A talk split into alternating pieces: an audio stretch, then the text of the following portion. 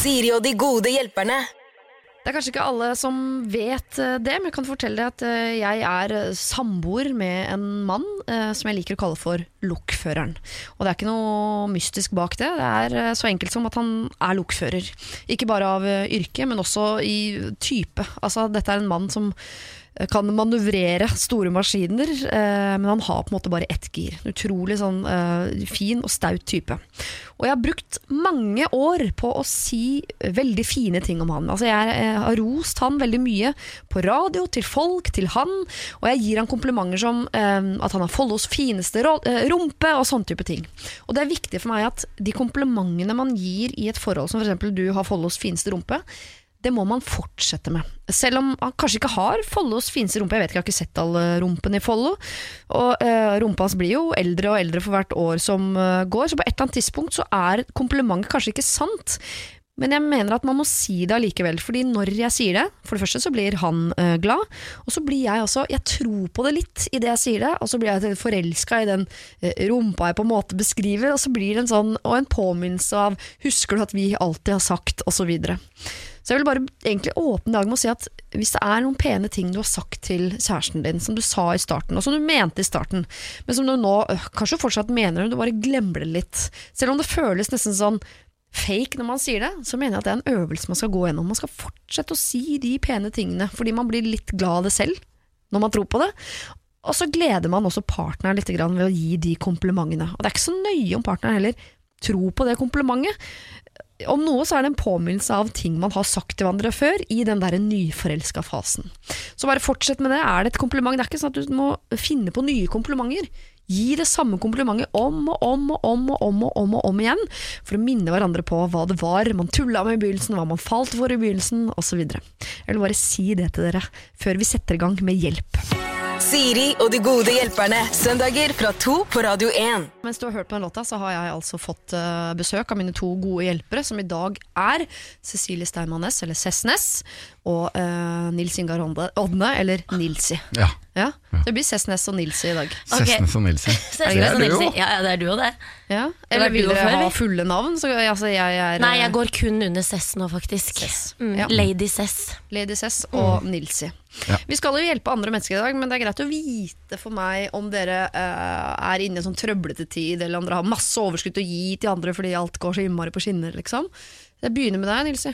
Går, er, går livet på skinner, eller er det trøbbel? Ja, det er jo en fantastisk tid på året, da. Jeg elsker våren, liksom. Kommer våren, og det er lange dager og mye lys, og vi Slipper kommer å stå på ski? Slipp, ja, det er jo jeg, nå er jeg veldig glad i det, da. Ja. Uh, men nå har det vært helt fantastisk du, for, i Oslo. For På søndag for eksempel, gikk jeg altså en ski på gode Ikke sånn entusiastføre på trass, Nei. gode skiføre. Rett ned i byen, tok en kaffe og is nede i byen. Ja.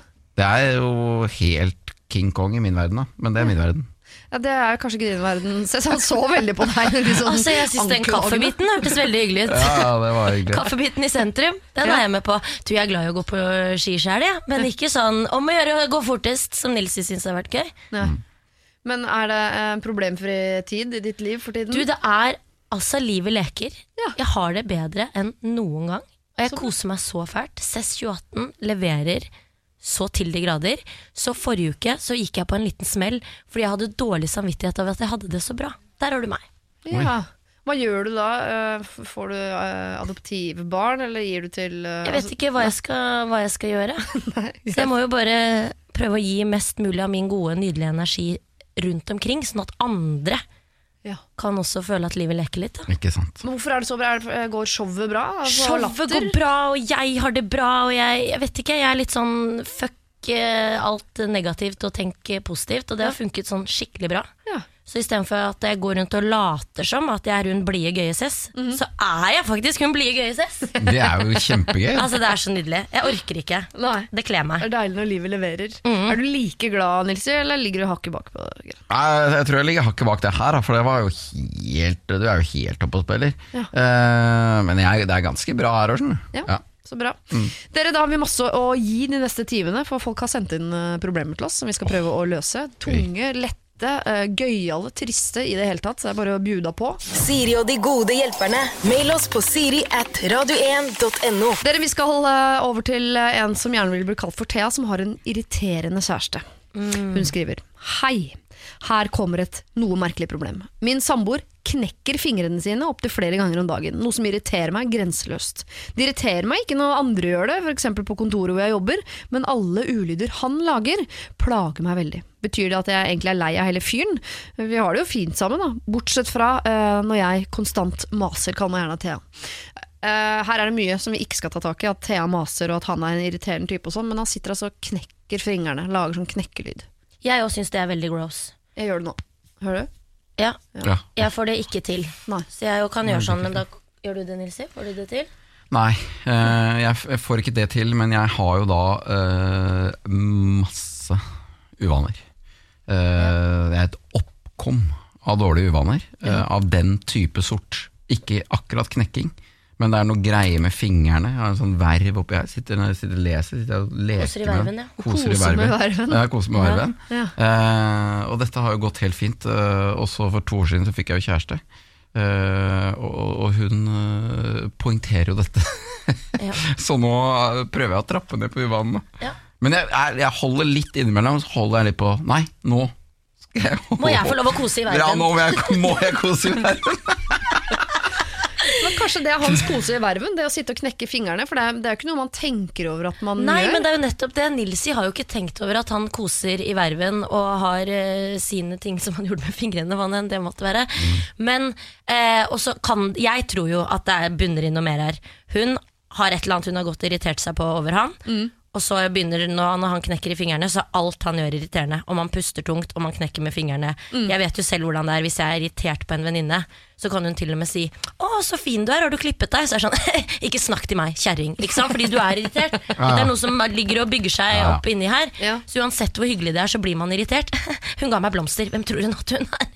For jeg har ikke råd til å kjøpe blomster, liksom. Korrekt, man blir hissig. Så jeg tror at fingerknekkingen bunner i noe annet. Men det er som Nilsi sier, gjør han bevisst på det, så slutter man med det. For man tenker ikke over at det er til bry for andre. Jeg sitter og krøller håret mitt. Ja. Sitter og krøller, krøller, krøller. Setter det i strikk, tar det ut av strikk. Krøller, krøller, krøller. Setter det i strikk, tar det ut av strikk. Og det syns folk rundt meg er irriterende, men jeg tenker ikke over det før det blir poengtert. Og da merker jeg jo idet jeg begynner å snurre, sånn som Nils i Kose med verven, at det er irriterende. Og da blir jeg bevisst, og så slutter jeg med det. Men skal man ikke få lov til å ha noen irritert For hvis det er sånn at uh, Thea er irritert over noe annet, så må hun jo for guds skyld ta opp det uh, i en eller annen sammenheng. Men at man har noen uvaner, det får vi jo ikke bort. Man må jo jeg tenker sånn, jeg også har mange uvaner. Uh, som jeg tar med meg gjennom livet. Det må jo, de nærmeste må jo godta mine uvaner. Så når jeg sitter og ser på Jeg sitter og plukker på fingrene mine, og det blir min kjæreste lokføreren gæren av. Tenk sånn, ja, men det, det er min uvane, det gjør jeg. Og det, jeg skal ikke gjøre det blant folk. Kongen skal få slippe det, men du skal ikke få slippe det. Nei. Er dere ikke litt enige? enige? jeg må er litt stå i enig i det. fingerplukk, Det ja. er lov å ha, ha noen uvaner, men hun, hun må få lov til å si fra hvis hun Det er jo, det er jo litt det er jo hakket mer irriterende når, når de lager såpass mye lyd, da, det må jeg si. Ja. Fordi at eh, sånn som plukking på fingrene, og for så vidt uh, verben, og den der krøllinga di og sånn, Ja. det er det jo eh, Hvis du ikke må legge merke til det, så legger du ikke merke til det. Men den knekkinga er jo litt vanskelig å liksom ignorere. Sånn. Fordi den lyden lyd. Ja, det er en Det er lyd, lyd, lyd. lyd, lyd, Ja. Det er jo knekking av ledd Ja. som er litt usexy. Kanskje det er han som er nervøs òg. Han knekker fordi han er De, har, de må snakke sammen. ja, de har problemer, de. Thea, uh, du må gjerne si fra til han om at den eh, ulyden, altså denne uvanen han har med lyd, den må han slutte med. Så kanskje han blir bevisst på det og gjør det litt grann, uh, sjeldnere. Men her ligger det noe mer bak. Så jeg tror du er på jakt etter en lyd som gjør at du kan snappe, for at du skal tørre å ta opp det du egentlig er irritert for. Så da må du i hvert fall vite hva det er. Da, sånn at den dagen når du klikker, så må du vite hva det er du skal si. Og da må du stå inne og ta det opp, og håpe at det kanskje gjør at den knekkelyden ikke blir så irriterende på sikt. Siri og de gode hjelperne. Søndager fra to på Radio 1. Cess Ness og Nilsi er klare. Den konsekvente Cess Ness, det må ikke bli en greie, Siri. Det kan jeg ikke forholde meg til. Kommer hver gang. Jeg tror ikke jeg kommer til å klare å hoppe ut av det mønsteret. Så bare bære over med Jeg skal, skjerpe meg. Det er som Ja. å slutte å knekke fingrene. Jeg, skal- prøve å komme ut av den dårlige Ja. vanen. Ja, av respekt, Takk. om ikke annet. Eh, vi skal over til et eh, noe tyngre problem, vil jeg påstå.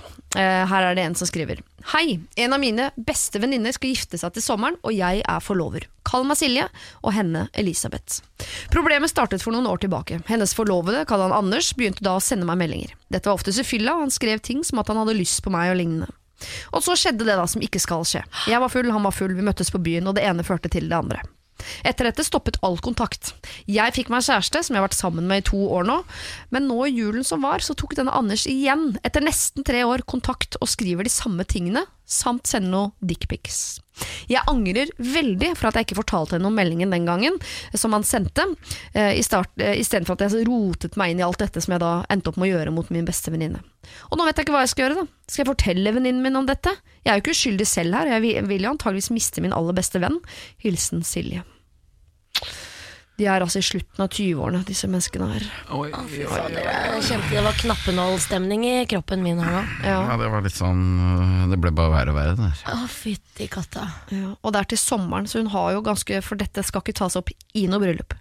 Og hvis det ikke tas opp før bryllup, så tenker jeg at uh, det, du må enten ta det opp før eller aldri.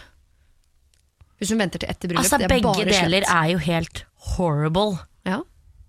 Fordi Å, fytti katta. Jeg har jo lyst til å si at hun må si det.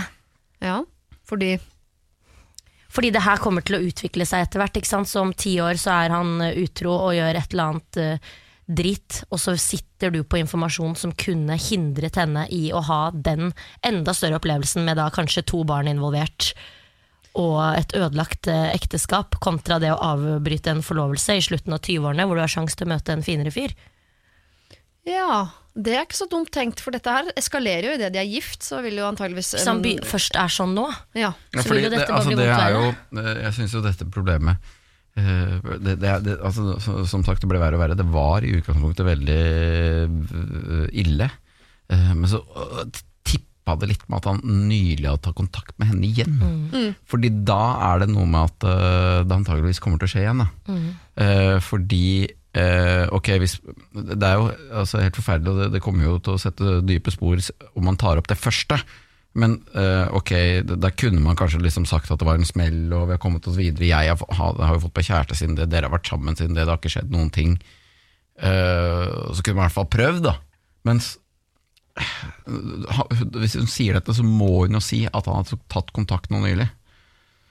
Og da er det jo over. Ja, for i så fall må jeg si jeg, eh, Det som hun skriver til oss Jeg angrer jo veldig på at ikke jeg tok det opp allerede. Det var absolutt det jeg burde ha gjort.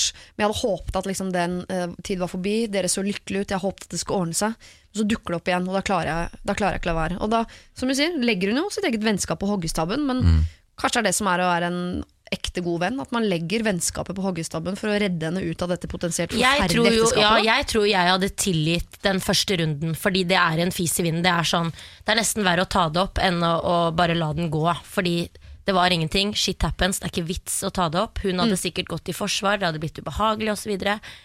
Men nå, og at han tør med hennes beste venninne! Som har kjæreste! Du har hatt det to år! Jeg orker det ikke. Men tror dere ikke også at han holder på sånn med flere? Jo, det er akkurat det. Jo, jo, jo, definitivt. Fordi det, det, Jeg føler på en måte ikke at det er ikke, det er ikke, det er ikke korteste vei til målet å ta bestevenninna. Nei. Eh, Så antageligvis er det liksom Jeg kan jo flere. jo si det, det sto også i mailen at han, han mener at de er sjelevenner, at det er henne han egentlig vil ha, men han tør ikke å dumpe eh, vedkommende han skal gifte seg med pga. familiære årsaker osv. Men da, sier, jeg vet du tenker hva? på deg når jeg har sex med venninnen din osv. Han er, antageligvis veldig veldig forelsket i denne Siljen. ja. Men kjære, kall meg Silje. Eh, du har det i tillegg svart på hvitt. Én ting er å stå i denne situasjonen og fortelle venninnen sin at kjæresten din har sagt til meg i fylla at det. Dette, dette, dette, dette, dette har skjedd.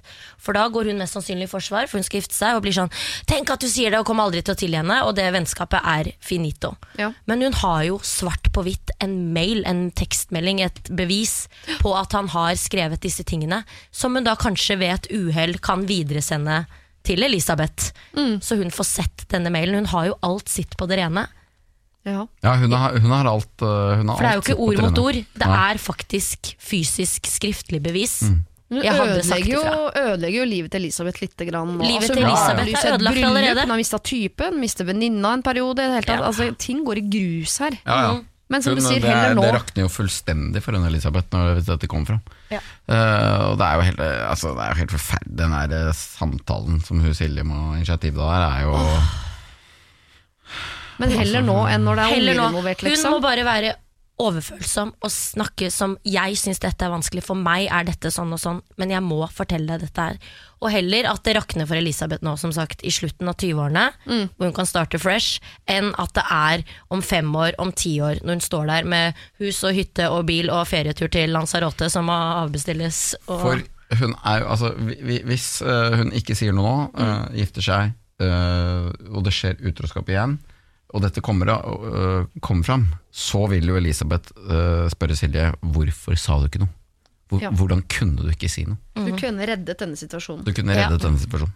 Og det blir for egoistisk å ikke ta det opp, Silje. Fordi grunnen til at du ikke tar det opp, er jo ikke for å være grei mot henne, det er jo for å skåne deg selv. Det, er, det er grunnen til at du ikke tør å si noe, er for at det blir uhagelig for deg, og du kanskje blir, eh, mister en venninne. Men her eh, sender du da eh, denne Elisabeth inn i noe hun burde vite hva er for noe, som er en mye større og mer alvorlig ting. Nei, Der tror jeg vi er unisont enige, folkens. Ja.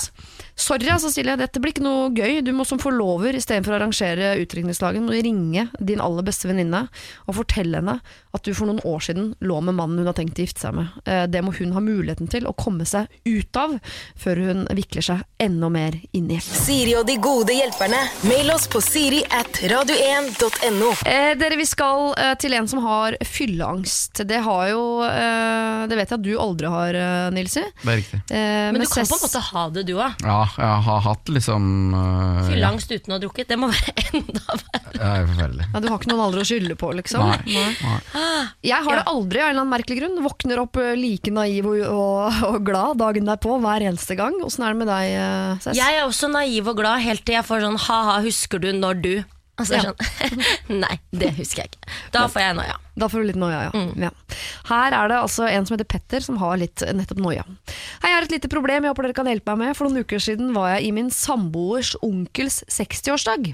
Det var en hyggelig kveld med tale, god mat. Drikker i grunnen ikke så ofte, men tenkte anledning til å ikke bare drikke Farris. Jeg kom rett fra jobb, hadde ikke spist, da det ble servert noen runder med musserende vin før maten. Dette resulterte i at jeg var rimelig berusa før forretten i det hele tatt kom på bordet. Jeg drakk også til maten. Dagen etter følte jeg at jeg hadde snakket høyere enn de andre, delt for mye av privatlivet mitt, dansa mer enn de andre, i det hele tatt vært den fulleste på festen. Jeg skal i dag på søndagsmiddag med familien, og her lurer jeg på, skal jeg tulle med meg selv og nevne dette, eller skal jeg late som om ingenting har skjedd? Kall meg gjerne Petter. Oh, skal han selv ta på en måte hull på en potensiell byll, eh, eller skal han bare la det ligge og håpe at det ikke er noe byll? Jeg syns la det ligge bli litt sånn eh, Elefanten i rommet, som er min nye favorittsetning, med, siden vi har et show som heter Elefanten i rommet, og jeg endelig har forstått det betydningen av den setningen. Så nå bruker jeg den ofte. Eh, eh, jeg syns det blir litt Ja, hvis han skal gå rundt og late som ingenting. Ja. Men så blir det litt rart å gjøgle det til hvis han har vært ubehagelig og for mye. Fordi da er det kanskje sånn tuller du det til, men du var egentlig uhøflig, så du burde egentlig unnskylde deg. Jeg vil jo Men øh, ja, det, er jo, det er jo litt uklart hvor ille det har vært her, da. Høres ikke bare ut som han har vært litt morsom. da. Det er jo bare han som syns det er flaut. At jeg tipper at de andre 60-årene tenker sånn For et frisk pust til Ja. i gjengen, liksom. Det tror jeg òg, for det, det, det, hvis han hadde gjort noe som var liksom upassende, Ja. så, så ville han jo visst om det. Han, han våkner jo bare opp og, liksom, og, og føler at han var litt mye dagen før. Ja. Eh, og det tenker jeg at eh, eh, det, det, det kan han bare la ligge. Og så kan han bare gå i den eh, middagen her og være passe. Ja. Men kan han prøve seg frampå med én setning sånn i det liksom De spør antageligvis i det søndagsmiddagen i dag, så er det noen som spør Er det noen som vil ha en øl til maten eller sånn. Si sånn Jeg lurer på om jeg fikk nok forrige gang, jeg. Liten sånn. Og se om de andre biter på. Hvis det er to-tre rundt bordet som sier sånn Ja, det var Så kan man jo fortsette turen. Hvis det blir et stille rundt bordet, og alle ser rart på hverandre, liksom. Ja. Ikke skjønner. Hva mener du? Ta deg en øl. Herregud. Man, han kan fint legge ut et lite agn.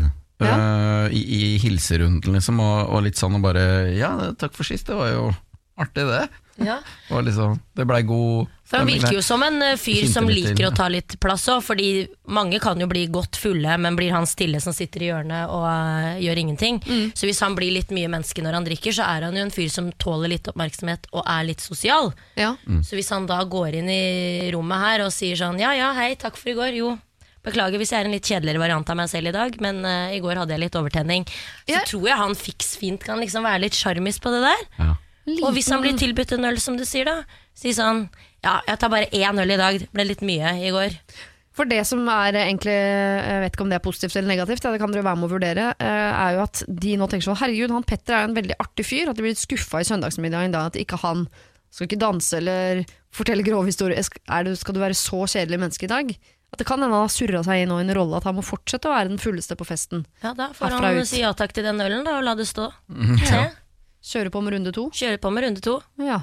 Syns ikke dette her var så vanskelig, Petter. Det er jo bare å gå inn og fyre løs. Ja, lodde stemninga litt. Ja, Ja. Lodde stemningen litt. For det er som Nilsi sier, han har jo ikke gjort noe ufint. Han har bare vært mye menneske, og det har sikkert vært noen fantastiske Snapchat-historier. Ja, ja, ja. Og noen deilige videoer og sånn. «Ja, I går når han dansa, for en fyr, da! Onkel Johnny er jo fornøyd med det. Ja, det, ja, er litt, det er litt trøkt når han blir 60. Ja. Ja, ja. Ja.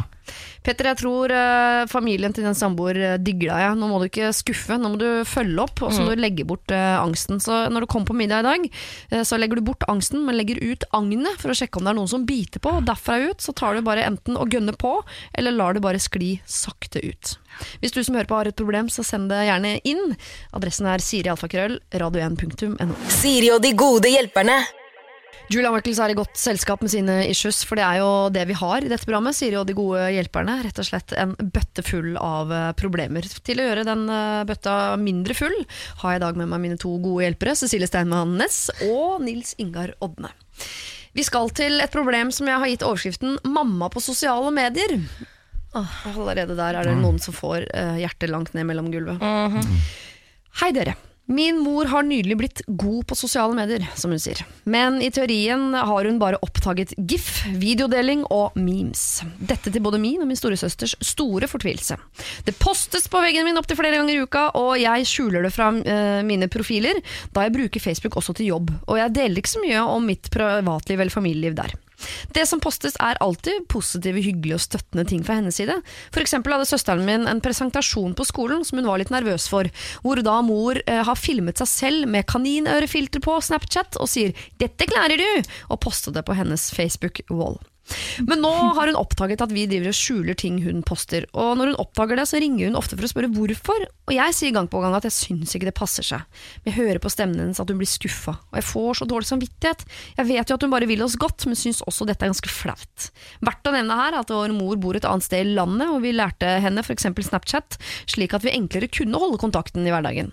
Men hvordan ber vi henne om å slutte med dette uten at det sårer henne? På forhånd tusen takk. Eh, hilsen flau og langt hjemmefra. 23, nei 28 år. 28 år. Er 28, ja. 28. Ja. Sess, du er jo rå på sosiale medier, du da. ja. Tusen takk. Ja. Eh, det er dessverre min mor òg. Men eh, jeg skjønner henne jo, for én ting er at mamma poster ting på sin Facebook-vegg med sånn 'Da har vi kommet frem til Alcosebre', og så er det noen bilder av elendig bilde av et vinglass og noe strand, som er tatt eh, med litt for dårlig kamera og en Får finger i ofte bilder av fra knærne sine og ned, så hun får med liksom sk- strandskoene og noe det er Noen sånn crocs. Ja. Det er noen litt frekke crocs der. Eh, men en annen ting er hvis hun skulle drevet og poste ting på min vegg. Det er litt sånn som nå, for nå har man på siden av Facebooken sin, så kan man jo se på minner. Dagen i dag, eller et eller annet sånt, hvor det kommer opp ting som du skrev på veggen din denne dagen. Ja. Da blir jeg så flau. Fordi da er det fra sånn 2007, hvor statusene mine er sånn Ned på latter for å gjøre standup, nok en dag med humor Jeg blir jo helt brydd, for det var jo som en dagbok, liksom. Ja. Og at du skriver på veggen Jeg kan skrive på veggen til Nilsi. Hei, Nilsi, skal vi møtes til en lunsj klokken to i morgen? Lenge siden sist. Hvorfor skrev vi sånn der? Og det er litt sånn som man kan si til hun mor nå, at den der lille videosnutten med kaninørene med lykke til, den trenger ikke å gå ut i plenum. Nei. Den kan gå kun på Snapchat. ja. Hvorfor må hun dele den med hele Facebook? Ja, for litt av, litt av problemet er jo at hun antageligvis, eh, eller den generasjonen der, eh, de kommer nylig på sosiale medier. Mm. Så må de gå gjennom hele den der læringsmodulen som vi har vært igjennom de siste fem, hvert fall, årene. Eh, og, det er jo veldig slitsomt. Ja, for Man Eh, trodde jo liksom at det var barna man skulle lære opp det sånn Husk at det du legger ut offentlig nå, kan hele verden se. Og det er ikke De alle som oppfatter det det riktig sånn, men det er faktisk også de, Det er bare vi midt på som har skjønt det greiene der. Mm. De gamle og de unge, altså de aller yngste, da, har ikke helt skjønt eh, kutyme på det der. Nei. Men hvordan sier man det uten at For det handler jo ikke om å bli lei seg eller ikke, det handler bare om å få mor til å skjønne Ja, må- Sånn tol- sånn Ja, gjør man bare ikke. Fremragende tips fra deg, Ja. mener jeg. Så du må bare uh, si rett og Du må bare si 'mamma, det er superfint at du deler ting med oss. Det er kjempegøy at, at, at du ønsker oss lykke til, og at det kommer ting fra deg. Jeg vil, vil veldig gjerne ha. Men uh, det holder at du sender det til meg. Det er jo derfor Ikke vi har opprettet denne Snapchat-kontoen, her for at vi Ja. skal ha kontakt med hverandre. Korrekt. Ikke at Ja, verden korrekt. skal stå og se på. Send det på vår sant? felles WhatsApp-gruppechat. Send det på Snapchat. Send det i en privat melding på Facebook eller standard-SMS. Men at alle må få vite eh, at jeg har en prøve i dag, og det syns du er stas med kaninøre på, det er ikke nødvendig. Men tror dere ikke at mor her, en, en av grunnene til at hun gjør det, er ikke bare fordi hun er teknologisk uvitende, det er fordi hun er jo stolt av datteren sin, og hun er stolt av at de har et sånt forhold at de driver og tuller på Snapchat med hverandre. Sånn. Så hun vil jo gjerne vise verden hvor stolt hun er, og hvor god tone de har. Og, ikke sant? Hun er jo stolt av den relasjonen der. Da, da må hun, skal hun få beskjed om at det, det må hun slutte med. Ja, og det kommer hun til å skjønne. Man må bare forklare de det. Jeg tror ikke de blir sinna og lei seg. Jeg prøver å si til mamma noen ganger òg Nå har jeg fortalt deg at eh, jeg syns at eh, den og den personen er kul eller kjekk, eller whatever, og så skal hun gå inn og følge vedkommende. ikke gjør det, Nei. Yvonne Steinmann. Det blir for mye for meg. Ikke sant? Og det Ja. gjør hun fordi hun vet ikke at det da synes for eh, Gud og hvermann. Ah.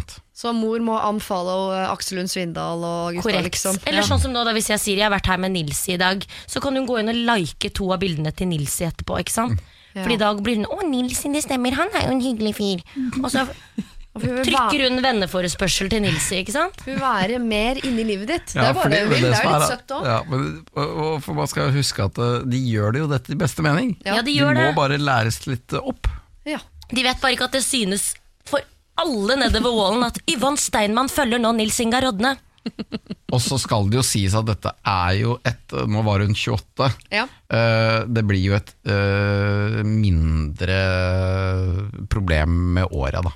Ja. Jeg tror nok jeg hadde hatt mer problemer med dette for ti år siden. Nå, er jeg, nå kommenterer mutter'n litt på ting jeg legger på Facebook, og det, det går greit. Altså. Ja. Jeg blir ikke så flau. Ja, husk på det, da, eh, kjære deg, at det er nok flauere for deg enn for alle andre. Det kan nok hende at alle andre, både de på jobben og ellers, syns det er litt søtt at moren din er sånn som uh, legger ut bilde av seg selv med kaniner og sånn. Men, alle gjør det. Alle Alle, gjør det. har hun mora som Ja, gjør ja, det. ja. Altså, de er overalt. men hvis du syns det er flaut nå, så syns vi du kan si det til moren din. og at dette, denne korrespondansen her har vi Snapchat til, men vi trenger ikke at hele verden står og ser på. Så gir sånn bare litt sånn teknisk brief for, på hva sosiale medier medfører. Ja, ja. Og så får hun forhåpentligvis, uten å bli for lei seg, litt forståelse for de greiene der. Siri og de gode hjelperne. Mail oss på siri at radio1.no. Vi skal til eh, en som heter Stine, som eh, trenger at eh, vi tar et valg for henne i livet, rett og slett. Hun jobber for øyeblikket som sykepleier, men det er ikke sikkert hun kan fortsette med det. Jeg har jobbet som sykepleier i to år, en jobb jeg elsker, men har den siste tiden kjent jobben på kroppen. Jeg har store smerter i ryggen da jeg flere ganger på en dag løfter tungt. Jeg får behandling av fysioterapeut, men ingenting hjelper. Så problemet er, skal jeg fortsette i dette yrket jeg elsker, eller skal jeg ta en ny utdannelse? Jeg er veldig drevet av jobb og må elske arbeidet for å trives. Jeg prøvde mange forskjellige ting før jeg til slutt utdannet meg til å bli nettopp sykepleier. Hjelp! Stine. Kjære Stine, først og fremst kudos til deg som er sykepleier. Jeg elsker sykepleiere. Dere gjør en kjempeviktig jobb. Hurra for deg, og tommel opp. Ja. Eh, tunge løft, det tror jeg kanskje man ikke tenker over at skjer når man eh, går inn i det yrket der. Man tror man skal få klemme på og sette noe dren, og det er god stemning. god stemning, god stemning Det er veldig god stemning å sette dren. Folk elsker det. Får ikke nok av det, faktisk. oh. Å, nå fikk jeg lyst på dren! Har vi noe dren? Hvor mange dren? har vi noe dren der? Har de dren på 7-Eleven? Er det Å, mulig? Fytti katta. Eh, men så må hun jo også løfte tunge mennesker inn og ut av sengene sine, sikkert. Men da er det ikke noe problem å fortsette i dette sykepleieryrket og bare si at jeg kan ikke gjøre de like tunge løftene, men kan kose meg med dren. Ja, altså, jeg eh, er jo enig med deg. Det er jo så bra. Dette er jo, dette er jo helten i samfunnet, mm. de som jobber, har sånne jobber. Uh, og det, det er jo de som på en måte har de ordentlige jobbene. Uh, det, er så, det er jo så mange Jeg blir jo så irritert på det, mange som bare sitter bak og gjør sånn dritt. Står på en scene, mener du, og Stå scene, vitser i mikrofonen? Ja? Ja, ja. Hei, vi Det er- gleder de. Man må huske det. De vi eh, har virkelig bruk for i dette samfunnet, det er de som trenger vikar når de er syke. Ja. Og det er ganske mange som ikke gjør det. Um, Stine gjør det, uh, så jeg ønsker jo Og hun liker den jobben. Så Mm. jeg vil jo så veldig gjerne at hun skal fortsette å stå i den. Ja, for Man har jo Eh, truffet noen sykepleiere opp igjennom, og vi setter ekstra pris på de som virkelig liker å være der. Det som Ja. er de blide omsorgsmenneskene, ikke de, som går rundt og er sure og lurer på når de går av vakt. Jeg har jo, det er jo min eneste fobi, eh, så jeg kan ikke snakke lenge om det, igjen, for da kan denne jeg må legge meg litt ned der. Eh, jeg er jo redd for alt som skjer inne på sykehus. Ja. hvis jeg skal ha blodprøve og sånn, så, så må jeg mm, Da må jeg gå gjennom en prosess den dagen med meg selv. Eh, Besvimer du av å se ditt eget blod og sånn? Ja, sånn jeg kan, jeg kan gjøre det. ja. Må ligge der jeg skal ta blodprøve, og det er fullt kjør der. Og gode sykepleiere. Åh, det er jo det sånn som meg trenger. Da. Det er Ja. veldig De som er liksom flinke til å snakke og Ja. sånne ting, er jo Åh, det er fantastisk å møte dem. Du er ikke store gutten å løfte heller, så jeg tror ikke du er problemet til Stine. Løfte stort sett bare. Korrekt. Men eh, det er jo eh, som du sier at Hun kan jo for eksempel si sånn jeg, jeg jobber som sykepleier, men jeg kan ikke ta de tunge løftene. Men kan man eh, sette det som en regel i det yrket? For plutselig er det en som er tung, som faller om. Da kan du ikke stå som sykepleier og si sånn Han løfter ikke, jeg. Men da tar hun jo det løftet. Ikke Ja. sant? De løftene man må ta her i livet som kommer litt brått på, og som bare må løftes, de tar man. Ja. Men hvis Nilsi kommer inn og skal ha blodprøve, og besvimer, og hun må løfte han eh, opp av sengen etterpå, da går det an å si sånn du, nå må du bare ligge her helt rolig, så skal jeg hente Kai, og så kommer Kai og løfter deg seg derfra. Det er jo ikke verre enn det. Og da vil han også være rolig, fordi Stine er rolig og nydelig med Nilsi som ligger og trenger litt vann. Det er veldig fint bilde at det alltid jobber en Kai. Litt sånn svær fyr. Det må Du ser for deg Kai? Ja, ja, alle Ja. avdelinger må sørge for å ansette en Kai, Kai. som kan løfte. Ja. ja. Kai er ikke så god på dren. Kai er sikkert helt elendig på dren, og han syns det er kjedelig med smalltalken. Han syns det er kjedelig å klappe på Nils Ja. og si sånn Du, denne sprøyten her er ikke farlig. Han Kai har bare lyst til å sette sprøyta, han. Mens der er Stine god. Så Kai blir ble sykepleier, for, og da kunne han løfte folk. Ja. Ja. Uh, men, uh, Uh, men altså, hun må jo ta på alvor hva det jeg skulle si. Dette, eh, de ryggprøvene, da. Det er viktig å si det.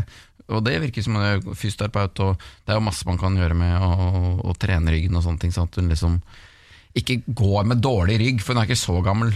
Nei, men det er vel, for dette er et problem for mange eller eh, generelt Ja, ja, ja. folk som jobber i yrker hvor man må løfte tungt. Ja, eller har ja, ja. med arbeidsstilling og Ja, sånn. Så jeg regner med at eh, de er jo sikkert en gjeng på jobben som hadde trengt en sånn eh, time om dagen med noe fysioterapi og litt trening. Og åpenhet og bruke munnen sin og si ifra, det hjelper alltid. Gå til sjefen, si sånn 'jeg elsker jobben min', du vet jeg er god i jobben min, men noen av disse tunge løftene går utover ryggen min, og det er jeg redd jeg ikke kan fortsette. Det har jeg ikke noe lyst til. Hvordan kan vi legge opp en god eh, slagplan her på at de som veier over 70 kilo, de må kaita? Ja. Vi må få inn en eh, Kai, rett og slett. Stine, det er ikke du som er problemet, det er Kai. Hvor er Kai? Vi må få inn en Kai? Kai. Det må jo Kai være Ja, Kai, Kai, hvor er du? Og, eh, kanskje det er noen folk som De som stryker på sykepleieren, kan de bare være der som løftere, eller et eller annet? Ja. Altså her, eh, vi, må opp, vi må opp på politisk nivå. Her må må noe gjøres. Uh, Stine, du skal fortsette jobben din, og i tillegg til å fortsette jobben din og gjøre den bra, og være den flinke sykepleieren du er, så håper jeg at du på sikt får en bedre rygg og en Kai som kan ta de tunge løftene. Siri og de gode hjelperne. Siri Kristiansen heter jeg. Jeg har Siri og de gode hjelperne her på Radio 1. Og mine gode hjelpere i dag er Nils Ingar Hodne og Cecilie Steinmann Næss. Eller Cess og Nilsi. Ja. Cess og Nilsi. ja, men nå bader dere meg om å ikke Dere kan ikke bytte hele tiden. Uh, Ja, men vi vil være Cess og Nilsi, ord. ikke Nils Ingar Rodne og Cess Ness. Da blir det uh, Nils uh, Steinmann Næss og Cecilie Hodne herfra.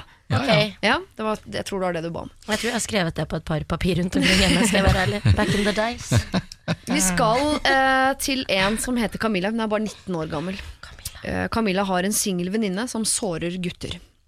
Hei, jeg har en venninne av typen som er konstant singel, og har siden ungdomsskolen hatt flere gutter diltende etter seg. Det er alltid drama rundt henne, og guttene hun sjonglerer. Og jeg som hennes venninne må ofte trøste henne og snakke med henne om helgens dramatikk hver eneste søndag. Hun skal selvfølgelig få holde på som hun vil, altså, men det hadde vært fint om vi kunne snakket om noe annet enn guttedrama hele tiden. Jeg er redd for at hun skal føle at jeg uh, slutshamer henne eh, hvis jeg konfronterer henne, da det er slik hun har tolket det når andre har sagt det fra før. Hvordan her kommer selve spørsmålet. Hvordan forteller jeg en venninne at jeg ikke orker å være en del av dramaet hennes lenger? Hilsen Camilla, 19. Altså Camilla, Eh, 19. Slut shame. Shame, det er å kalle henne hore, da. Ja, ikke sant. Ja, At hun er jeg skjønner. en sløtt. Shame henne det for det. bruker vi ikke så mye i min vennegjeng. Nei, Akkurat det ordet bruker der. det i min. Ja. Det er ikke så mange horer i gjengen til Nilsen. Nei. Nei, Nei. det er lite sluts. Flere sluts i min gjeng. Jeg nevner i fleng. Alfabetisk rekkefølge. Ah. Kan dere skjønne at Camilla er drittlei venninnen sin, som går rundt og øh, fjonger og mesker seg på byen, sårer folk, kliner, holder på, og som hun har trøst på søndager? Jeg skjønner at det er überirriterende, for jeg syns jo sånn snakk er så kjedelig. Jeg syns det er veldig spennende og gøy når man skjønner at det er et eller annet, og her kan det bli en utvikling, og, og det er en ny date, og ja, gjør sånn og sånn, og så å, det funka. Da, da koser jeg meg, ikke sant? for da ser jeg en fremgang, det er en kontinuitet i mine gode råd. Ja. Men når det er sånn annenhver dag, og du husker ikke om det var Kåre eller Sebastian eller uh, Kjetil eller Anders, og det er sånn ah, klina med han, bla, bla, bla, bla, her er mulig, og så er det sånn ja, men fader, rydde opp i livet ditt og slutt å holde på på den måten der. Ja, så utrolig irriterende. Hun- Jeg merker at jeg irriterer meg over henne, hun venninna. Ja, allerede. Eh, Bare allerede. Fordi at eh, hun skal da liksom eh, Det hun egentlig syns er gøy, er jo å fortelle alt dette her fordi at de er så populære, og det er masse gutter hele tiden, det er så slitsomt. Men nå vet jeg ikke hvem jeg skal velge, og skal gjøre seg så viktig og populær og så flott, da. Ja. Og så er hun bare sli, Rotue. slitsomt og rotue. Ja. Kan hende at Camilla er litt misunnelig òg, på at det liksom Men står det om Camilla er i noe forhold? Nei, det står ikke. Nei. Det står ikke det, altså. Men det kan jo hende at hun er allikevel litt misunnelig på all den oppmerksomheten all dramatikken som foregår rundt den jenta. Det kan jo Jo, men da. er jeg litt enig med Nils igjen, for da er jo hun venninnen her enda mer motbydelig. Hvis hun vet at hun har en venninne som ikke er like flink til å få seg dater og være ute, og så skal hun fortelle om alle erobringene hun har hatt, for sikkert å si sånn Ja, deg der møtte du noen i går. Altså det er en sånn derre ekkel eh, hersketeknikk. Ja. Litt sånn jeg kan ikke synge med en 'happy birthday to you', så har de lyst allikevel. Ja. Litt sånn føler jeg hun venninnen Ja, ja. Eh, men jeg tenker at eh, eh, ja, Og så må- si fra på en ordentlig måte, for det er litt sånn fort gjort å si fra, eller bare, bare bli sånn «Åh, Du, jeg orker ikke å høre om alle de guttene. Men kanskje skal si fra. Du, vet du hva. Det, det er samme leksa hver eneste gang, liksom. Nå, jeg, det gidder jeg ikke.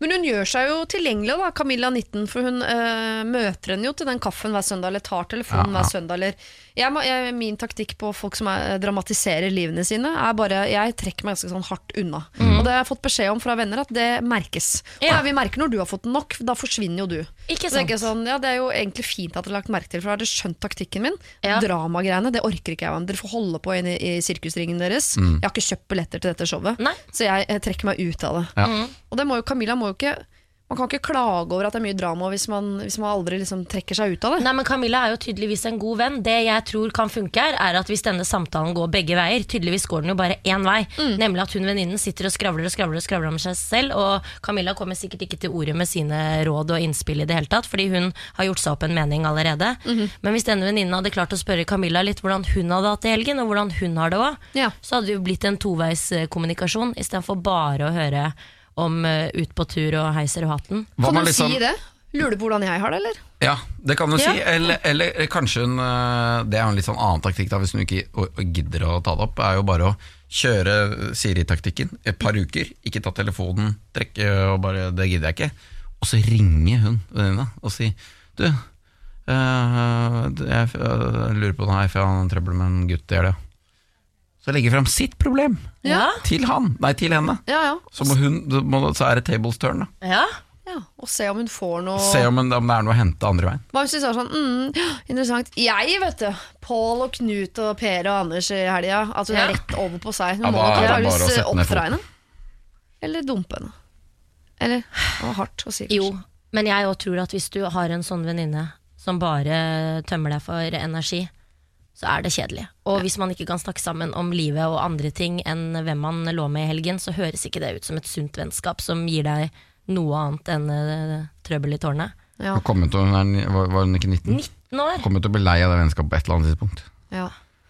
Ah, Camilla, hvis du vil at dette vennskapet skal vare, så må du jo ø, gjøre noe før du blir så lei at du går helt ut av det. Så kanskje du skal ta deg noen pauser, ikke høre på, avbryte for å snakke om deg selv, rett og slett oppdra henne til å skjønne at du også er et menneske som trenger oppmerksomhet, eh, og stoppe henne i dramaet hennes. Ikke gidd å være med hele veien hver eneste gang, for da gjør du akkurat det hun vil, nemlig få masse, masse oppmerksomhet rundt sitt eget vesen. Siri og de gode hjelperne. Søndager fra to på Radio 1. Nilsi og Cess, vi skal til et eh, pornoproblem. Oi. Eh, jeg, skal ikke, jeg har litt lyst, fordi jeg eh, tenker at dere begge to er litt ganske reserverte på sånn privatliv. Jeg trodde du skulle si Siden dere begge to er ganske glad i porno, så tenkte jeg at jeg skal... Jeg var veldig usikker på hvor du skulle Ja. nå. Ja. Jeg så at dere så livredde ut, og det er nettopp derfor djevelen har lyst til å spørre sånn Hva er deres forhold til porno? Dere skal Ja. få slippe det, altså. Skal få slippe det. Dere skal heller få lov, hvis dere vil flette det inn når dere snakker om dette pornotrøbbelet, så Ja. for all del. Jeg er åpen om porno. Så bra. Uh, hei, dette er kanskje det flaueste jeg har skrevet i en mail noen gang, men here it goes. Min kjæreste er over gjennomsnittet glad i porno, i den grad at vi har eh, inkorporert det i vårt sexliv. Men han ser kun på porno hvor damene ser helt annerledes ut enn meg. Altså både rase, høyde, hårfarge, kroppsfasong, i det hele tatt. Jeg føler at jeg har strukket meg ganske langt her og nevnt det her om dagen at jeg ikke syns det var for mye å be om at vi ser på noe som jeg kan kjenne meg litt mer igjen i, og som gjør at jeg også føler meg ønsket. Da ble han utrolig flau og innesluttet, og sa at han syntes dette var vanskelig nok å dele eh, denne siden av seg selv som det er. Så hva gjør jeg nå, da? Jeg eh, kunne fint eh, og funnet noen forslag på ting vi kunne se sammen, men er veldig lite interessert i porno og vil derfor ikke bruke timevis på research. Prøvde litt der om dagen, herregud, internett er et sjukt sted. Av åpenbare årsaker vil jeg her være anonym. Hjelp. Altså, jeg fantastisk. liker jo hunden Hun godt. strekker seg lenger enn mange andre damer. Hun godtar hele denne pornosiden til Absolutt. typen sin. Det eneste hun ber om, er at han ser på porno med damer som er litt mer sånn som henne. Ja. Og så er det så bra at hun liksom har hun har godtatt det, og hun har liksom Ja, ja, da får jeg søke etter noe porno, da. Se hva, hva, hva, hva fins der ute. Og da er, det, da er det mulig å finne det. Og alt fins! Absolutt alt fins. Det er ofte man må til Tyskland for å finne det, men det fins. Ja. Alt fins. Ja. Alt fins, altså. Ja, um, Vær så god, Nilsi. Nei, det er jo altså et, van, et uh, vanskelig problem. Jeg syns jo det er bra at jeg, Det er jo veldig bra, uh, Utgangspunktet her er ganske bra, for de er jo tydeligvis relativt åpne. Ja. Uh, De snakker jo om Det er jo ikke sånn at hun, har, hun har sett han i det skjulte holde på med dette. Temaet er på bordet. Eh, nå er det mer preferansen innen porno hun ønsker å styre. Eh, og det så, så, så, så dit bra. Eh, derfra vanskelig. Men Altså, jeg nå er du så skjønn. Jeg orker ikke. Bare så vibri hubre hæ? Jo, enig. Fordi hun skriver jo ikke her at uh, Hun er jo ikke kritisk til tydeligvis innholdet av pornografien, eller hvor vulgært det er, eller at det er hardcore eller softcore eller uh, hei på deg. Nordcore, den beste pornoen. Eh, men rett og slett at det er litt damer som ikke ligner henne selv. Ja. Jeg har lyst til å snu dette her til noe positivt. Ja. Fordi hvis det hadde vært eh, damevarianter av meg selv som han da ble kåt av å se på når jeg ligger ved siden av Klar og ser mm, tilnærmet like ut, eh, så hadde jeg følt mer på det. Jeg er litt sånn at Hvis jeg møter en gutt, og han sier 'dette er eksen min', og så er hun lang og tynn og blond, så først så blir jeg sånn 'Å, fader, det er sånne jenter du liker'. Men nå grafser han jo bare på meg. Det er jo meg han vil være med. Så tenker jeg sånn Så deilig at vi er så forskjellige. Istedenfor at jeg skulle begynt å sammenligne meg med henne. For det kan jeg jo ikke når hun er hva, 1,80 og blond, Nei. og jeg er 1,50 og blid. Eh, så er jo det mye vanskeligere. Ja. Så jeg tenker at det er positivt det, at han ser på noe han ikke kan få, men som han blir opphisset av, og så snur han seg, og så er det jo deg han vil ligge med.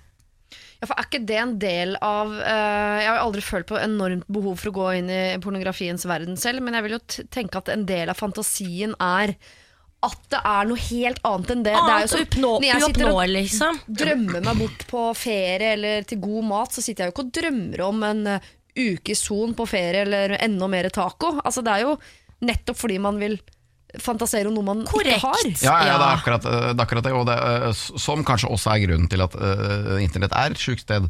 Uh, at det er så mye rart der ute, er jo uh, fordi mange søker noe rart som, de ikke, som, som er helt ute og ikke er noe de har tilgang til og sånne ting. Da. Ja. Ehm, Så det er bra at han vil se på eselporno og al altså det han uh, måtte drive med. At han ikke driver og leter etter liksom, uh, kopier av deg. Ja, jeg syns i hvert fall det, da.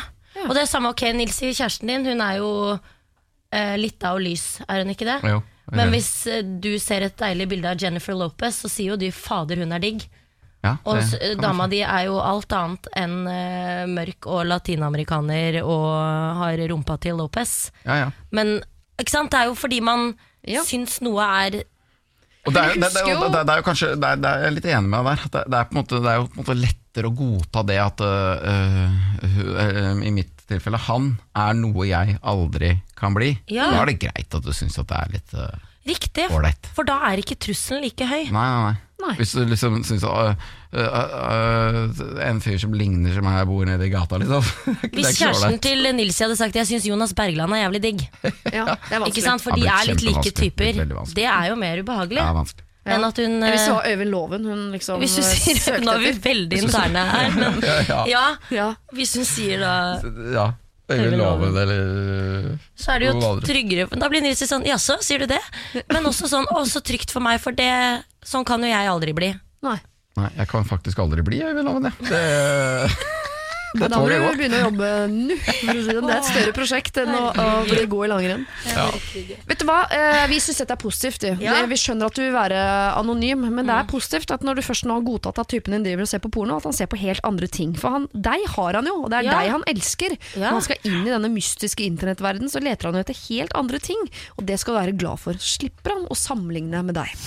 Siri og de gode hjelperne. Søndager fra to på Radio 1. Avicii, dette her eh, sammen med Sandra Cavazza. Eh, Sandro Cavazza, 'Without You' heter altså låta. Bra Sandro ikke hører på da han har blitt fornærmet. I likhet med Cecilie Steinmann Næss og Nils Ingar Odne hver gang jeg eh, lager feil varianter av deres navn. Folk er hårsåre på den navnet, jeg forstår det. Jeg er heldig, oppvokst med et utrolig enkelt navn, Siri Ja. Kristiansen. Veldig sjelden noen har tatt feil av det. Det, det funker jo som en kule, det. Jeg hadde en som het Imran i klassen min, som noen gang kalte meg for Sirti. Som visstnok da på urdu betyr eh, trapp eller fløyte. Da ble jeg, jeg husker Trapp eller fløyte? og fløyte. Ikke sant? Det er jo mange ord som betyr flere ting. Ja. Det betyr Ja. trapp og fløyte på Ja. urdu. Ja, ja. Og da, Da ble jeg du kjempefornærma. ble det. Sirti, Sirti, Sirti gikk rundt og kalte meg det. Alle lo og koste seg med det. Ja. Jeg bare helt riktig, Sirti! Jeg, Nei. så jeg ble veldig veldig lei meg. Men nå hadde du ikke tatt det så høyt opp hvis noen hadde kommet sånn Hei, Siri. Nei, nå hadde jeg antakeligvis kost meg litt. Ja. jeg lei Å, du bare, å, du mener trapp eller fløyte? Jeg venter bare på en anledning til å si sånn Å, det ordet kan jeg faktisk. Men, Ja. trapp eller Men jeg tror for Nilsi og min sin del, derfor har vi valgt Nilsi og Cess. Ja. Det er jo fordi at navnene våre har blitt skrevet så rart opp igjennom på Ja, er, diplomer og kontrakter Folk er og veldig liksom jålete på det, at hvis Ja. det blir for langt, det blir for mye. Men jeg Ja. ser bare for meg én mulig skrivefeil i ditt navn, Nilsi, og det er at man tar en Å istedenfor to A-er. Å nei da. O-D-D-N-E. Mye av det. Oddene. Med odd ned. Ja, ok, ja, Da var du ikke råest i klassen på rettskrivning. Altså, Den verste jeg har fått, det er Cecilie Stein Manes. Manes! Manes? For jeg sier jo Cecilie Stein Manes, så jeg skjønner jo Ja. Ja, ja, så- Cecilie Stein Manes. Manes i ett ord. Ja. Altså Det er nesten for bra. veldig, veldig Det bra. er for Cess bra. Manes. Cess Manes. Cess Manes. Det skal vi nok kalle det. Det blir det da Det ble seinest oh, forrige uke introdusert eh, to kvelder på rad som Nils Ingar Hodne. Jeg gadd ikke rette på det heller. Nei. Jeg bare lot det holde på. La det være en H. Du kommenterte ikke fra seg ingenting, liksom? Du bare, det er stum. H, ropte du. Det er stum H. Det er stille. Men det er jo ofte flauest for den som sier det feil også. Særlig hvis man uh, oppdager det. Ja, Ja. ja. ja, det er ubehagelig. Oi, oi, oi.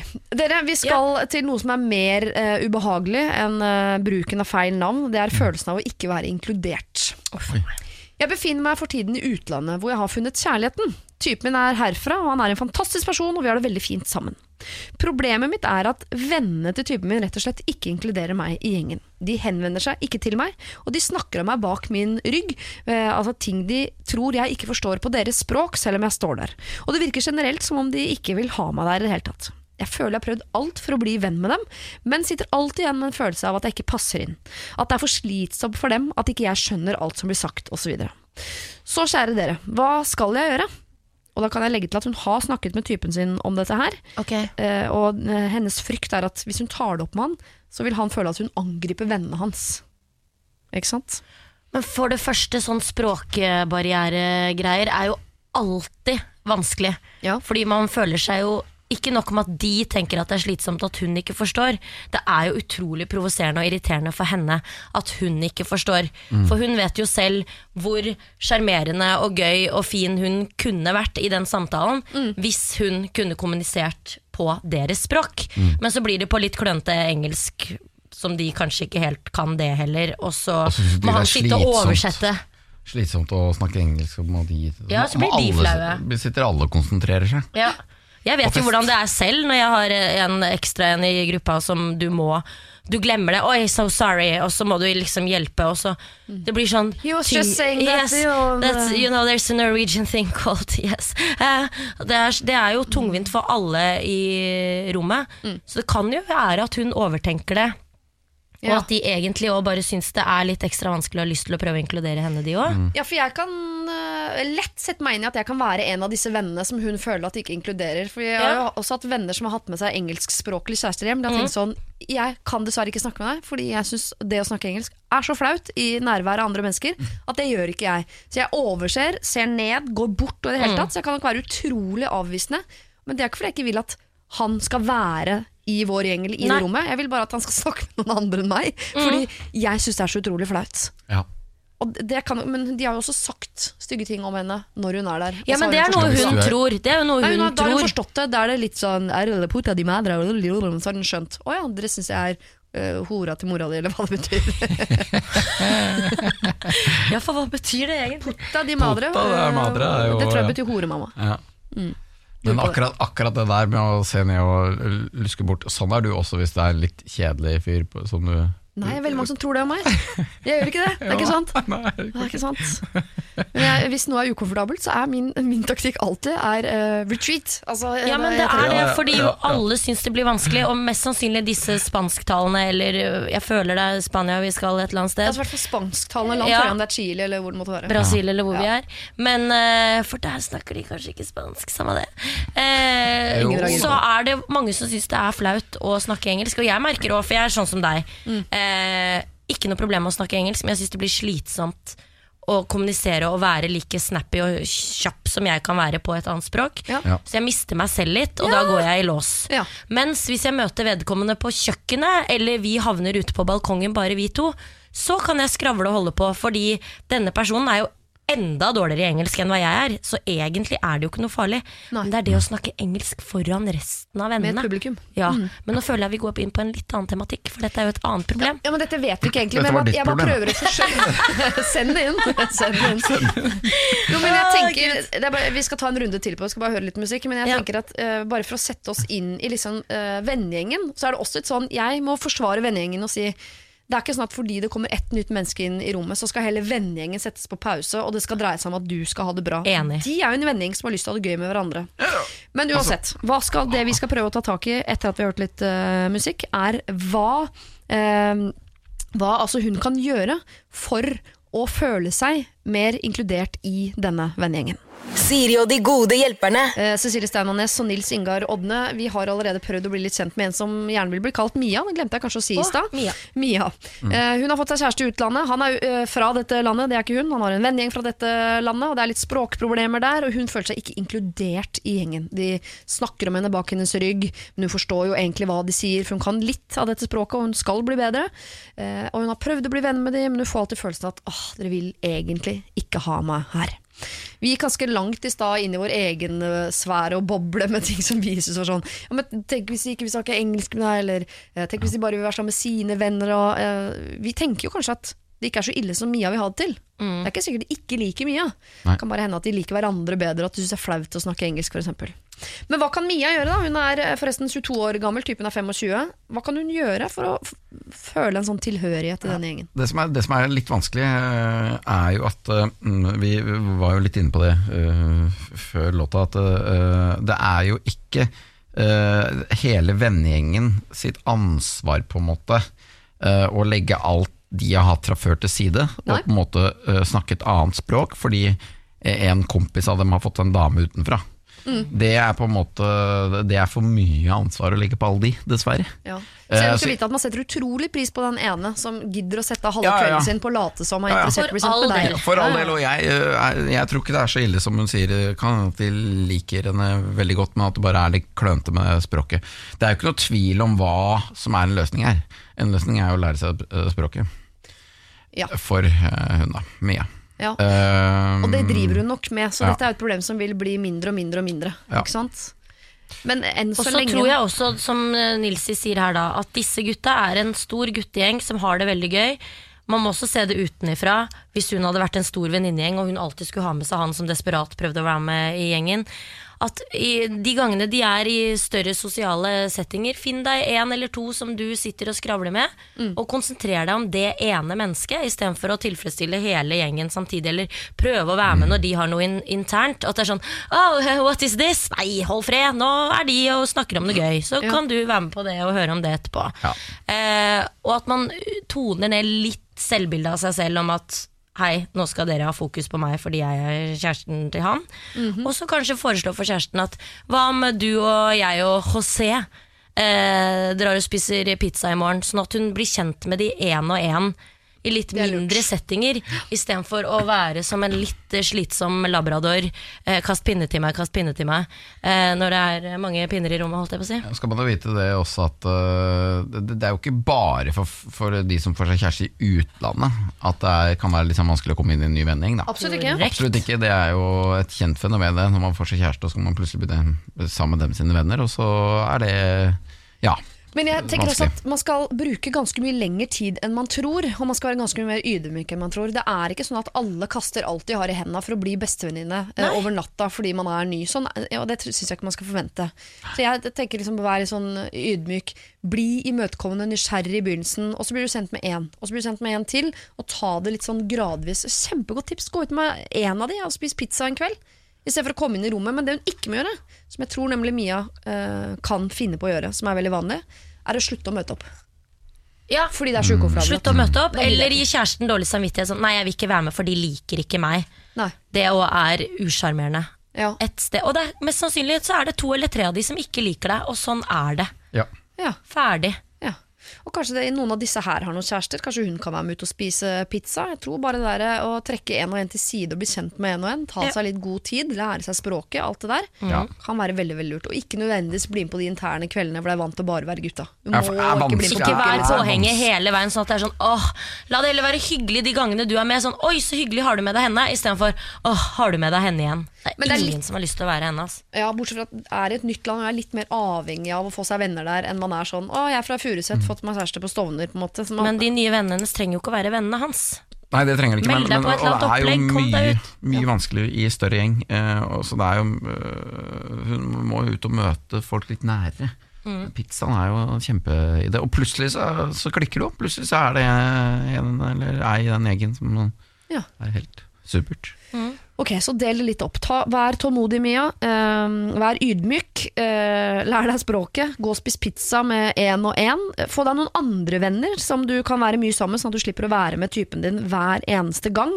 Og eh, ha is i magen. Dette her kommer til å løse seg på sikt. Ikke slutt å være sammen med dem, det er heller ikke løsningen. Her må du bare liksom prøve litt og litt og litt, og litt gå musesteg inn i den gjengen til du vips, så er det en helt naturlig del av det. Siri og de gode hjelperne. Hva var det navnet i stad? Ses... eller Majonesen eller sånn. Ces Cecilie Stein Manes. Manes, ja. Likte Manes. veldig, veldig godt. Eh, vi skal eh, over til et litt sårt problem som Sunniva har sendt inn. For seks uker siden fant jeg ut at jeg er gravid. Og graviditeten er ikke planlagt, men både jeg og kjæresten min er utrolig glade. Vi har vært sammen i tre år, og dette føltes riktig for oss. Men en av mine nærmeste venninner, la oss kalle henne Maja, og hennes mann har prøvd å bli gravide i årevis. Hun har prøvd alt, både innenfor moderne medisin og andre alternative behandlinger. Alt dette har slitt Maja helt ut psykisk. Da jeg skulle fortelle Maja at jeg var gravid, valgte jeg å gjøre det face to face når vi var alene. Det gikk overhodet ikke bra. Hun ble utrolig sint og lei seg over at dette bare hadde skjedd meg, liksom. Men hun har jo da slitt lenge. Det hele endte med at hun gikk gråtende fra leiligheten min. Jeg prøvde å ringe henne mange ganger og sendt meldinger, men jeg får ikke svar. Til helgen skal en annen nær venninne i gjengen feire bursdagen sin, hvor hun har invitert hele jentegjengen på middag. Når jeg fortalte denne venninnen som har bursdag at jeg er gravid, ble hun veldig veldig glad og foreslo at jeg kunne bruke bursdagen hennes som anledning til å fortelle gladnyheten til resten av gjengen. Vi i gjengen har kjent hverandre lenge og er veldig nære. Problemet, problemet mitt er jo at Maja skal i denne bursdagen, og jeg vil jo ikke gjøre henne trist og sint igjen. Vi har ikke snakket sammen siden jeg fortalte henne det, og jeg er redd for at hun vil tolke dette som at jeg gnir det inn. Hvordan håndterer jeg det? Skal jeg dempe min lykke for å skåne min venninne? Eh, Kall meg Sunniva. Eh, det aller aller viktigste for Sunniva her er å vite at grunnen til at Maja reagerer som hun gjør, er ikke fordi hun ikke er glad i Sunniva og ønsker henne all hell og lykke på jord. Det er hennes egne indre demoner som jobber imot, og derfor syns hun det er urettferdig. Hun syns ikke det er urettferdig at akkurat hun er blitt gravid, hun syns det er urettferdig på vegne av seg selv Ja. at hun ikke får det til. For det er et slit ut av en annen verden. Det, er jo en, det, det, det må jo ha vært helt forferdelig for henne. eh, og- Begge to og- i den sitt- settingen. Ja, ja, men for hun som ikke har klart å bli gravid, og bare gå gjennom det. Fordi at når hun kan bli uh, så lei seg over det, er jo eh, Det er, altså, det er jo eh, synd å si det, men det er jo veldig, veldig, veldig selvsentrert. da Ja. Eh, fordi en god venninne har blitt gravid og er kjempefornøyd med det, og gleder seg til å få barn. Ja. Eh, da bør man jo være raus nok til å uansett være glad på hennes vegne. Det er Men det klarer være ikke hun, da. Ikke Ja. sant? Nei. Og da tenker jeg at da må man ha respekt for det igjen, for det har hun visst på forhånd. Det er jo derfor hun har valgt å gjøre det face to face også. Ja, ja. Så nå må hun få tid til å bare slikke sårene sine og tenke at sånn Nå er jeg det Nils sier jeg er, nemlig veldig selvsentrert og opptatt av meg sjæl. Fordi det at jeg ikke får det til, skal ikke gå utover at jeg kan ha lykkeønskninger på vegne av min gode venninne. Men igjen, at hun skal bruke den bursdagen til å si Å, hør her alle sammen, jeg er eh, gravid. Da hadde jeg faktisk sendt en melding til Maja først og hørt Syns du det blir for mye, så kan jeg ta det en annen dag med de jentene. Trenger hun å spørre om det? Jeg kan på vegne av Maja si at det blir for mye. Ja, det Og så gjør er jeg det. usikker på i hvor, eh, hvor langt man skal strekke seg for å ta hensyn til Maja, men det er noe med at eh, Maja er eh, psykisk helt utslitt, og da ha- har man ikke noe raushet i seg. Man Nei, det er jo klarer ikke derfor å hun tenke gjør på som hun andre. gjør. Det er derfor, og hun, Maja, når hun eh, noen dager etterpå sitter i sofaen og har litt energi, så vet hun inni hodet sitt at det der var en eh, på en måte feil reaksjon. Yes. Eh, selvfølgelig unner jeg henne det, og hun kommer til å si det på et eller annet tidspunkt, men hun orker ikke akkurat nå. Og skulle da gå en middag hvor det sitter en hel gjeng og er sånn eh, Sunniva! Sunniva! Som sitter og, og hyller den babyen som bare ramla ned i livmora hennes. Ja. Det, ja, det, der har jeg lyst til å skåne Maja. Men det, skal ikke fort, det er ikke sånn at Sunniva nå skal gjemme graviditeten sin i ni måneder Absolutt ikke. skåne barna, være helt som Michael Jackson på det barnet når det kommer og, og skjule det for all fremtid. Nei, nei. Men akkurat nå bare. Ja, det er veldig vanskelig. Akkurat nå bare litt sensitiv. Så må hun tåle å stå i det. Jeg er 100, 100, 100 enig. Ja, og at hun venninnen foreslår det og syns jeg er litt sært. Hvis eh, Sunniva også har fortalt at Maja reagerte som hun gjorde. Ja. Så er det også sært av venninnen å si sånn Å, hva om du forteller det til alle her? Ikke vær bitch. Skjønn at dette er, er en sår Men det visste kanskje ikke situasjon. hun det. Visste kanskje ikke hun når hun foreslo det. Nei, men da må jo Sunniva si det. Ja, Sunniva øh, må nok må si det, og bare si at vi, vi, vi lager ikke noe stort poeng ut av det der. Der er det bursdagen din, og så nøyer vi oss med det. Og så vil jeg, må gi, altså, jeg vil gi honnør til Sunniva, som jeg syns har vært kjempeflink her. For at når vi sitter seinest i dag, og masse dilemmaer handler om øh, Skal jeg si noe, hvordan skal jeg ikke ta opp dette? Sunniva har uh, valgt, og har tatt opp. Ja. Hun har gjort det face to face, og hun har ringt etterpå når det ble dårlig. Ja. Altså Hun har prøvd uh, på alle gode mulige måter å ta opp dette på en ordentlig måte. Ja. Det syns jeg er dritbra gjort. Enig. Så Sunna har veldig god moralsk klokke, og det er derfor hun spør oss videre nå også, for her er hun usikker. Skal Ja. jeg eh, nå ta det opp i denne? For på et eller annet tidspunkt så må jo Sunniva få lov til å glede seg, også i plenum med venninner. Og Hun få lov det leve skal hun få lov til, og det kommer Maja til å klare å stå i òg, men akkurat nå så må hun få lov til å få et lite kvarter for seg sjæl, Mm. og synes at dette er ordentlig. Jeg kan bare forestille meg det, da. Ja. Hvis det hadde vært min situasjon. Hvor forferdelig vanskelig det hadde vært da hvis min beste venninne kom og sa du, det var jo ikke planlagt, men vi hadde et lite uhell, og nå er jeg gravid. Ja. Og så har, er det alt i verden du vil. Det føles antageligvis så urettferdig. Og hun kommer Ja. til å klare å begynne å glede seg på det. Men lite spørsmål på tampen her. Eh, Skal Sunniva For det er jo ingen av de andre jentene som vet det. Skal de eh, sk- få beskjed om at hun er gravid før denne bursdagen, eller skal hun vente, Vente, til, vente, vente, til vente, etter vente, bursdagen? så det ikke blir et tema. Og uansett, eh, kjære Sunniva, hvis du bare er seks uker på vei, så er det kanskje ikke så mange som skal vite om det enda heller, uansett. Nei. Nei. Det, kan, øh, det kan drøye litt. Da bursdagen først. Bursdagen først. Blir det koselig, det. Og hvorfor du ikke drikker? For å skryte på noe øh, kryssallergi eller øh, et eller annet øh, oppkjøring. Lappen. Jeg vet Ja, ikke. skal Og så Kanskje- de tusen andre unnskyldningene du begynner, bruker de gangene du ikke har lyst til å drikke, da. Ja. Har du noen gode tips der, Nils? Ja, det er, det er, ja, jeg sier jo bare rett ut da, at jeg gidder ikke, men, øh, men, øh, men ja, det er jo det er tidlig opp i morgen. Ja. Er, jeg, har, jeg har, la, veldig lang dag i morgen. Ja. Det, er, det er bra greie. Mm. Gidder ikke også like noen ganger. Ikke overforklar hvor. Ingen som Ja, har rett på å vite hvorfor ikke du gjør det de andre gjør. Gidder ikke. nei, Orker gidder ikke. Har ikke lyst. Ferdig. Én, jeg gidder ikke å drikke. To, jeg gidder ikke å forklare det. Eller Ferdig med forsvare det. Ikke snakk til meg. Ja.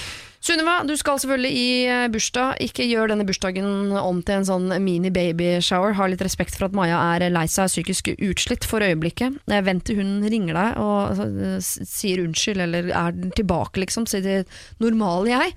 Og ikke fortell noe heller til de andre jentene før etter denne bursdagen. Jeg tror du innerst inne vet at det er den riktige måten å gjøre det på. Siri og de gode hjelperne. Alle dere som har fått hjelp i dag, skal få handlenett av eh, meg, og jeg tenkte jeg skulle gå gjennom dem fra toppen. Det er jo da Thea som har en utrolig irriterende kjæreste. Han sitter og knekker opp fingrene sine hele tiden og lager ulyd. Eh, Thea, du skal få et eh, handlenett. Silje, som jo har utvilsomt det vanskeligste problemet her i dag, hun har ligget med sin bestevenninnes soon to be ektemann. Hun er forlover etter bryllupet som skal foregå i sommer. Og, har nå fått beskjed fra oss her i dag om at hun må fortelle dette til venninnen sin før bryllupet, sånn at hun har anledning til å komme seg på huet og ræva ut før hun har gått helt inn. Petter har fylleangst. Han har vært på fest med svigers og følte liksom at han var litt for mye. Og lurer på om han da skal uh, ta brodden av det ved å tulle med det neste gang han treffer familien. Vi har eh, Flau og langt hjemmefra på 28, som har en mor som har oppdaget sosiale medier, eh, noe så innmari, og legger ut det som skal være søte videoer, men i tide og utide, så alle kan se. Og i det tatt. Hun har ikke helt skjønt at det du legger på nett, det ser alle. Og Hun syns det er flaut, og vil at hun skal slutte med det. Så har vi Stine som lurer på om hun skal fortsette som sykepleier, et yrke hun virkelig elsker, men som går hardt utover ryggen hennes. Og der har vi nesten bare gitt henne beskjed om at du skal fortsette, vi trenger de gode sykepleierne vi har. Du er bare nødt til å få deg en kai eller et eller annet som kan ta de tyngste løftene. Ja. Camilla har en um, singel venninne som driver og eh, snakker om gutter og alle trøblene hver eneste søndag. Klager og syter over alt drama hun lager i livet sitt. Camilla er drittlei, orker ikke å høre på det lenger. Eh, og da ba vi vel Camilla om å bare eh, slutte å involvere seg i drama. Ikke ta telefonen, ta deg en pause. Og på et eller annet tidspunkt så bare eh, kupper du samtalene og får de til å begynne å handle litt grann deg, i hvert fall innimellom. Vi har en som ønsker å være anonym, og greit er det. Typen er veldig glad i porno, men ser bare porno med damer som er veldig ulike henne selv, og syntes det er problematisk. Det prøvde vi å snu, og si du skal være glad han ikke ser på porno med damer som bare er eh, varianter av deg selv. Vi har eh, Mia som ikke føler seg inkludert i sin kjærestes eh, vennegjeng. De er fra et annet land hele gjengen, og det er en språkbarriere der, men hun føler seg rett og slett mislikt. Og så har vi Sunniva, som er gravid, og hyggelig er det, men hun har en venninne, Maja, som ikke klarer å glede seg på hennes vegne. Hun løp gråtende ut av leiligheten da hun fant ut, fordi hun selv sliter med graviditeten. Alle de får eh, motiverende handlenett, og i tillegg så skal jo dere da få lov til å dele ut handlenett til hvem dere vil, eller verden, levende eller død, med hva dere vil oppi. Oi! Oi. Levende eller død? Levende, altså Hvis du vil sende enda mer eh, peanøttsmør til Elvis Presley, så gjør du det. Ja. Ja, ikke sant? Det som er så vanskelig er at man har lyst til å si sånn Jeg har lyst til å sende et handlenett med masse selvtillit til alle unge piker rundt omkring i verden. Ikke sant? Eller Ja. mat til alle de som er Du sultne. kan jo gjøre det, da. Ja, Men så har jeg også lyst til å bare gi en vet ikke, en ventepølse til alle amerikanerne og si hold ut, snart er det ikke noe mer Trump. Snart er, snart er det ikke mer Trump. Jeg tror jeg gir mitt handlenett Jeg tror jeg tar det med ut i- eh, Når jeg går herfra nå. Okay. Så går jeg ut i byen, og så samler jeg altså uh, masse uh, raushet og varme fra alle lag av befolkningen, alle nasjonaliteter, alle flotte menneskene der ute. Og så tropper jeg opp i kontoret til Sylvi Listhaug, og så heller jeg det ned i huet hennes. Ja. Ja, Der er vi. Der er vi. Der er vi. Det er utro, så fine mennesker dere er. liksom Takk. Vi redder verden og mat Ja, og raushet. Og Det er noe av det mest politisk korrekte jeg har hørt i mitt liv. Pølser til amerikanere og det hele tatt. Ja, Det er ikke så politisk korrekt, kanskje, men uh, Well. Ja, well, Well, well. Ja, Jeg well, well. ja, Verden for øvrig er vel enig om at det bare handler om å holde ut. Men jeg Det tok han- meg ja, like Trump litt her om dagen. La oss ikke gå inn på det. Oi. La oss for all del ikke Nei, gå men inn det på var et Nei, det ble sekund der. Altså, du vet, Nei, ikke eh, det lille sekundet. Nei, jeg bare det var gøy at han liksom ga så F, liksom.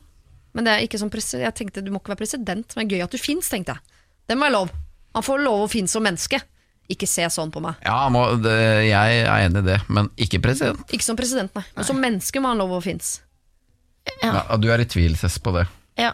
Ja. Der er jeg mer i tvil på Sylvi Listhaug, men altså, la oss ikke gå inn på den. Hun skal jo nå få et handlenett full av raushet helt over hodet sitt. Ja. Ja. Det tror jeg hun Det kommer til å klø Det kommer til å klø for henne, det. Ja, det kommer til å Uvant for følelse, henne. hva er det? Ja, Jeg ja, ja. det er som jeg går inn i en annen kropp. Det sånn. Det har vært veldig gøy å være her sammen med dere i dag. Eh, lykke til videre med show. Det er flere forestillinger. Det er flere forestillinger Ja. ut april og mai, og så ny runde igjen i november. I november. oi, oi. God pause der. Og eh, boka di, Nilsi, den er vel å få i Den bokhandelen? er overalt, er den. Og Markel, 1. mai da begynner langløps, eller det er langrennssesongen. vet du. Da begynner man oppladninga til neste sesong, så er det bare å følge boka. Bruke den som motivasjon, rett og slett. Å Oh, komme yeah. seg opp på toppen av fjellet uten Kvikk Lunsj. Enig.